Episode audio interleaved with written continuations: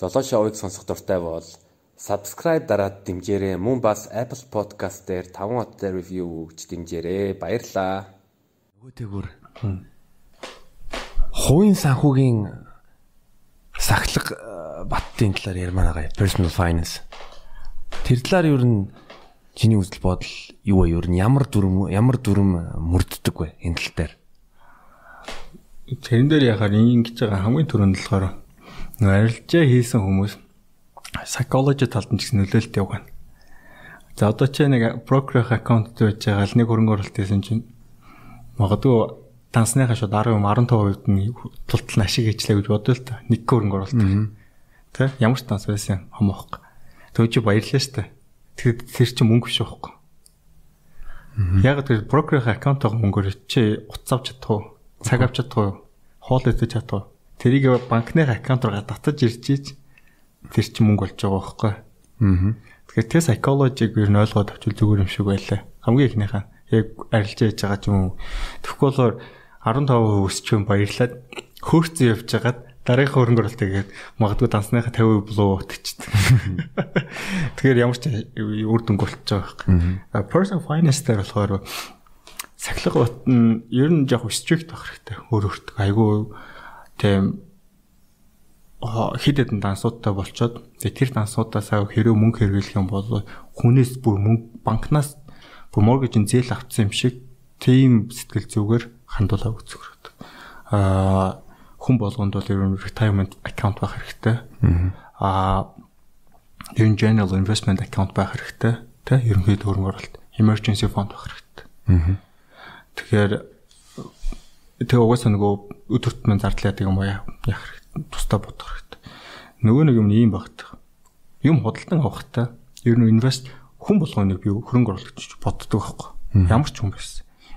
Аа яагаад гэхээр бид нар одоо чи бодолт өдөр болгоо нэг 5000 төгрөг кофе авч бодог вэ гэж бодлоо тий. Ажлаа 200 төгрөг. Тэгэл ботгоор хэр хэмжээний мөнгө кофенд төрчих.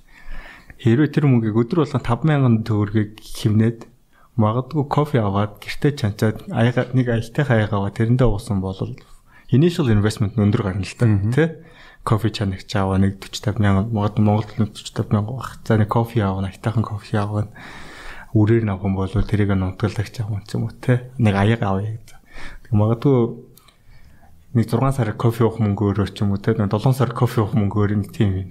Тэгтээ нэг яач юм бол Тэгээ ажил дээр очиод ажлынхаа кофе тоншоод хэрэгтэй шүү дээ. Тий. Үнгүй кофе те. Аа тэгээд ингээ яах юм бол тэр 5000 төгрөгөө investment general investing account руугаа автоматар банкнууд одоо Монголын банкнууд айгу сайн болцсон байлаа ш. Өдөр болгон энэ А аккаунтаас Б аккаунт руугаа 5000 төгрөг явуулаад байгаарай. Автомат юм хийж хэрэгтэй. Тэгээ кофе аваад дуутсан гээд. Аа. Тэгэл тэрийг ерөөсө бүр ерөөсө орч харахчгүй ингээд бүр хайчаар хэрэгтэй л те. Тэр тэр чинь уус нэг тэрийг болохоор хадгаламжийн аккаунт ч юм уу те энэ тэрэ болгож нэг 6 сараар бүр төгж нөгөө time deposit хийгээд те хугацаа хадгаламж хийгээд жилд нэг удаа ч юм ингэж яадаг. Тэгмэл арай өндөр хүү авах ч юм уу те. Тэгээ ингээд яагаад гэх юм бол тэр чин хөрөнгө оруулалт эхэллээ байхгүй. А хоёрт нь болохоор хэрвээ entrepreneur болох ч байгаа те. Хуваараа энийг ямар нэг юм хийх гэж байгаа юм уу? Эсвэл бол за нэг чи ажил хийдэг ажиллагаа зур хөрөнгө оруулалт хийгээдсэн чинь арилжаа гэдсэн чинь жоохон гайгүй болоод байна гэж бодлоо та тийм нэг тодорхой хэмжээний хөрөнгө оруулалт стратегт болсон энэ төр болсон. Тэрийгээ дараагийнх next level-д очимоор байна. Би full time болмоор гэж бодож байгаа бол аа emergency fund болох хэрэгтэй. Заавал. Ер нь бол emergency fund хүн болгонд байх хэрэгтэй. Яг үхээр бидний нэг нуруунд дээр хачаагаа хөнгөлж өгдөг. Тэрнтэйгээ бүр яг нэг банк ус санхүү шиг бүр бүр яг банк ус санхүү шиг Тэгээ бүр нөгөө солонгос нөгөө юу л нөгөө ямар л юу л money lending тийм акулууд чиг те. Энийг tom shop те. Нэг нөхтөө нөгөө бейсболын цөхөр барьж ороод надаас мөнгө нөхөх юм шиг те.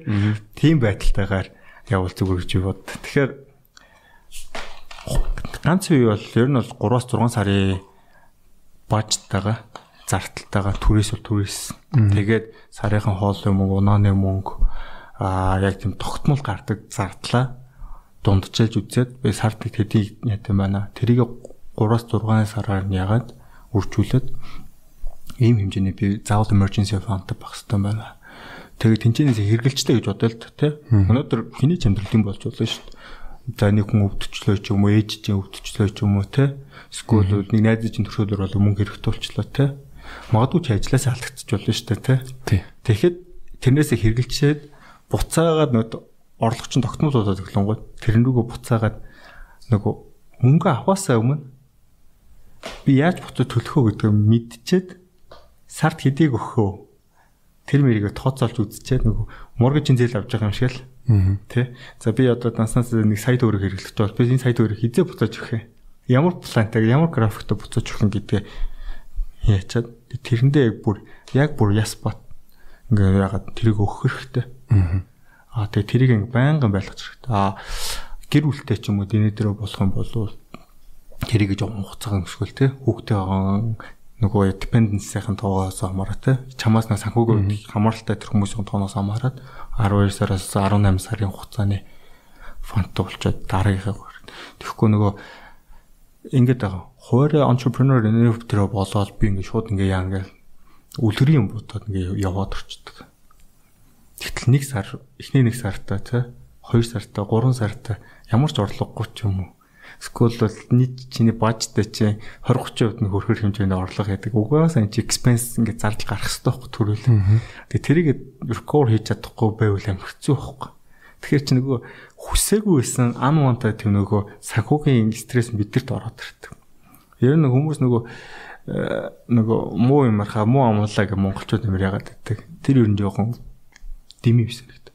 Ярих хэрэгтэй. Бид нар worst case scenario-д бэлдээд дандаа л ер бос казинорог бэлдэж явах хэрэгтэй. Тэг best казинорог дандаа мөрөөдөж өндөрлөөгүй зүгээр юм шиг санагддаг бүр англи дээр бүр ишнэ мишлээд штэ те. Be prepared for the worst and expect the best but prepare be prepared for the worst. Харин яг тийм. Тэгэхээр санхүүгийн хувьд бол яг тийм бэлтгэсэн байх юм бол мод нь 2 3 сар ч гэсэн юугүй байлаа гэхэд за би дараа нөгөө юугаа яцаараа ийм плантаар ийм хэмжээний өөр төлөх ёстой шүү өөр өөртөөгээд тэгээ энийг ингээ бэлдээд ичрэхэд тэгэх юм бол нэг сар ингээ орлогоос нэгсэн гэр бүлийнхэн дэ хүн санаа зовхгүй яг хэрэглэх юм уу хэрэглээл явуулах ёстой Аа ер нь retirement account бол хүн болгон байх хэрэгтэй.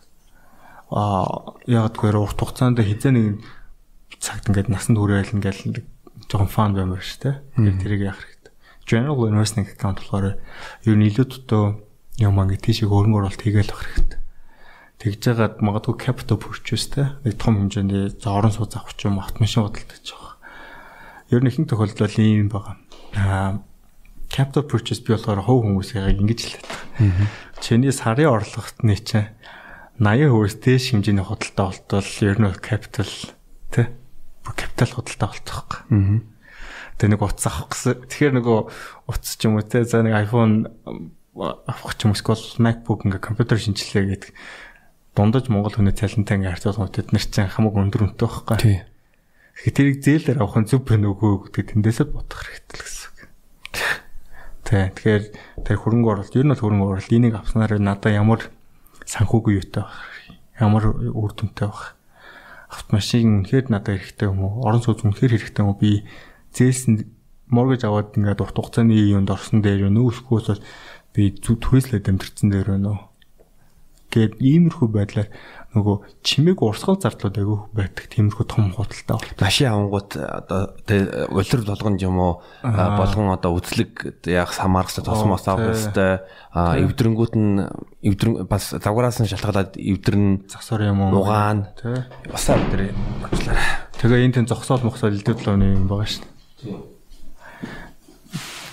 Тэгэхээр яг тиймэрхүү юмнуудаа сайн тооцож үзчихээ дараа нь урсгал зардлууд юу гарах уу гэдгээ бодцоод явал зүгээр юм шиг санагдтыг. Тэг personal finance дээр бол тийм л бодолтой. Тэгээд